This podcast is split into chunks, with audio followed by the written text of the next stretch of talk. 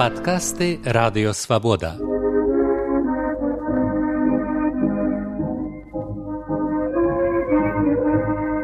Падарожжа ў БНР з Сергеем Шупам.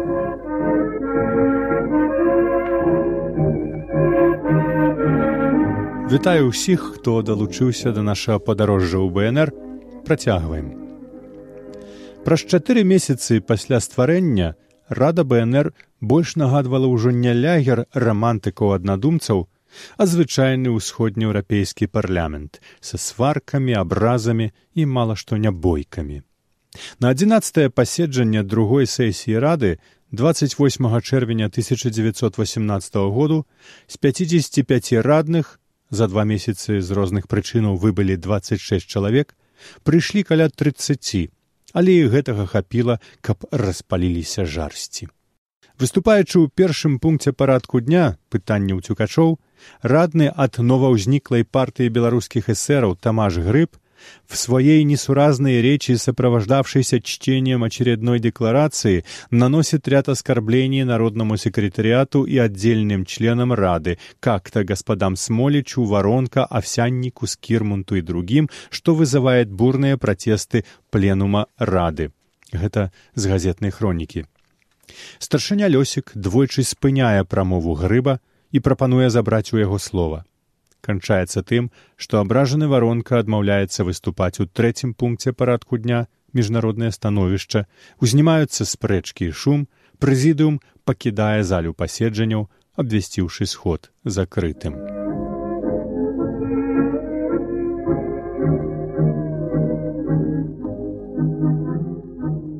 А зараз крыху пра гісторыю рэчаў.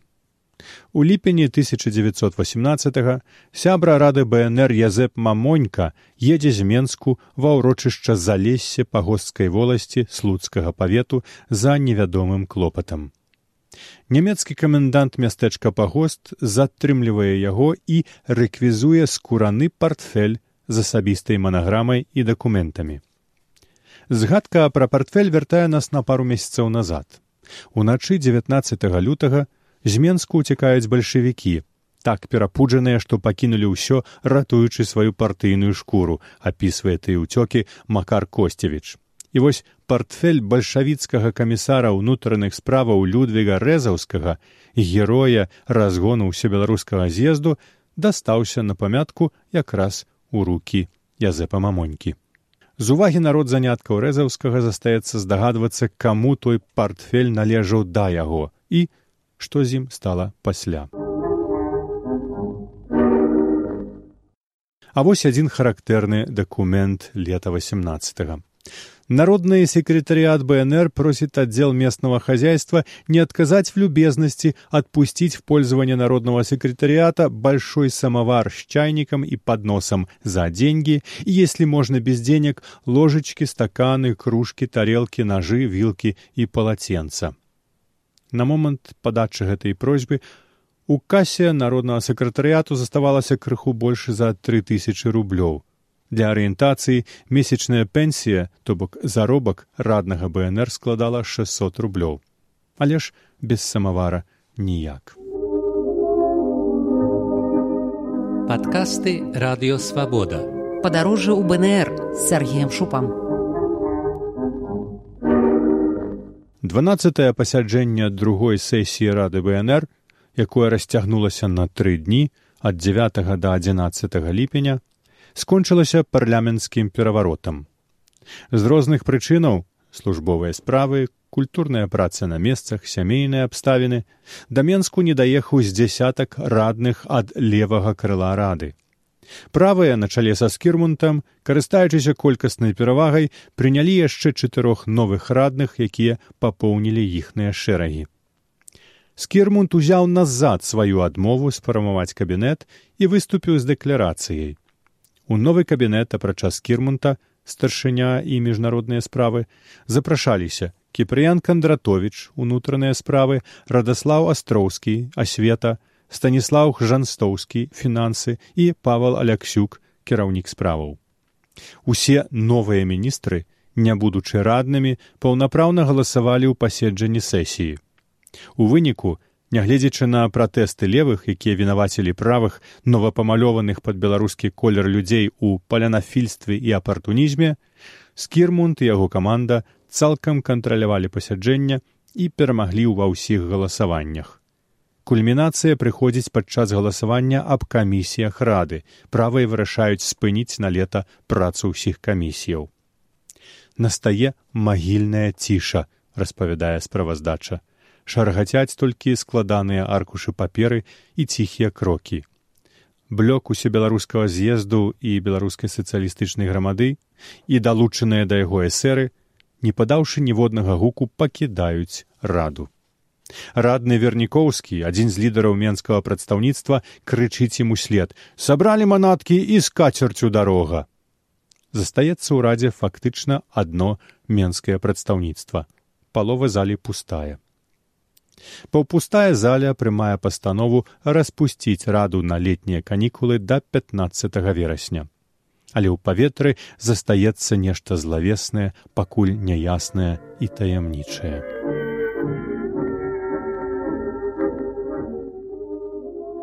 У справаздачы пра гэтае пасяджэнне асабліва дасталася на рэхі ксяндзу вінцэнту гадлеўскаму, які, узяўшы слова, найперш аблаяў дзеянні старога складу народнага сакратарыяту.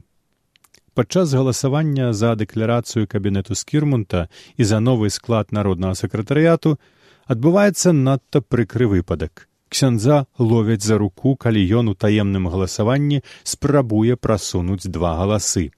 Як выяўляецца за ксяндза каральчука, які пайшоў спаць. І толькі пасля выбачэння перад прэзідыумам яго вызваляюць ад адказнасці. Падкасты радыёвабода. Падарожжа ў БНР з Сергеем Шупам.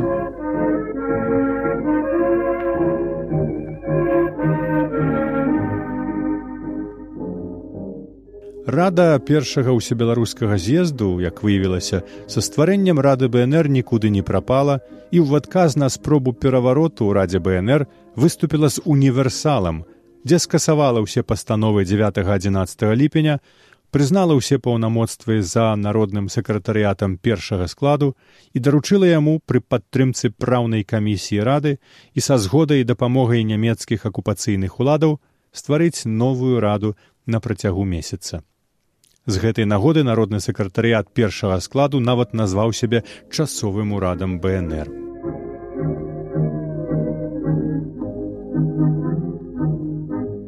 Трынаццатага ліпеня а шостой гадзіне вечара радаслаў астроўскі намеснік новапрызначанага старшыні народнага сакратарыяту скірмунта і павел алексюк у якасці новага кіраўніка справаў прыйшлі ў сядзібу народнага сакратарыяту па вуліцы захараўскай сорок тры і запатрабавалі перадаць ім справы як новаму кабінету міністраў.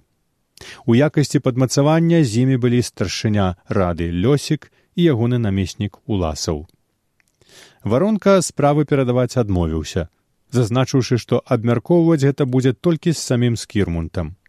Заадно выявілася што пасведчанні на моцы якіх дзейнічалі астроўскі за лексюком былі сфальшаваныя. Пасля некалькіх гадзінаў бясплённых дыскусіяў госці продолжавшыя негодаваць пакінулі памяшкання сакратарыяту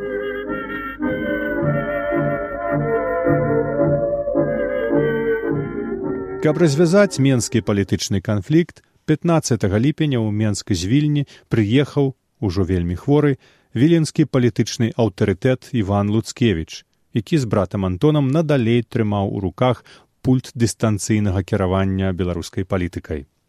Але ягонае ўмяшанне не прынесла ніякіх вынікаў. 20 ліпеня так і не прыняўшы справаў ад народнага сакратарыяту першага складу кабінет скірмунта падаў у адстаўку і 23 ліпеня пасаду старшыні народнага сакратарыяту беларускай народнай рэспублікі заняў янка серада. Язэп варонка меўся ў якасці надзвычайнага пасланніка бнр у літву украіну малдову грузію ды іншыя паўдзённыя рэспублікі выехаць у адмысловую дыпламатычную паездку. Аднак у выдаванай народным сакратарыятам хроніцы для газет паведамляецца што варонка перадаў серадзе свае функцыі і выехаў на правінцыю ў сваіх асабістых справах Пазней народны сакратарыят прыме пастанову. У гэты палітычны момант паездка надзвычайнага пасла к памянёным дзяржавам з'яўляецца не на часе, таму народны сакратарыят бнр этую паездку затрымлівае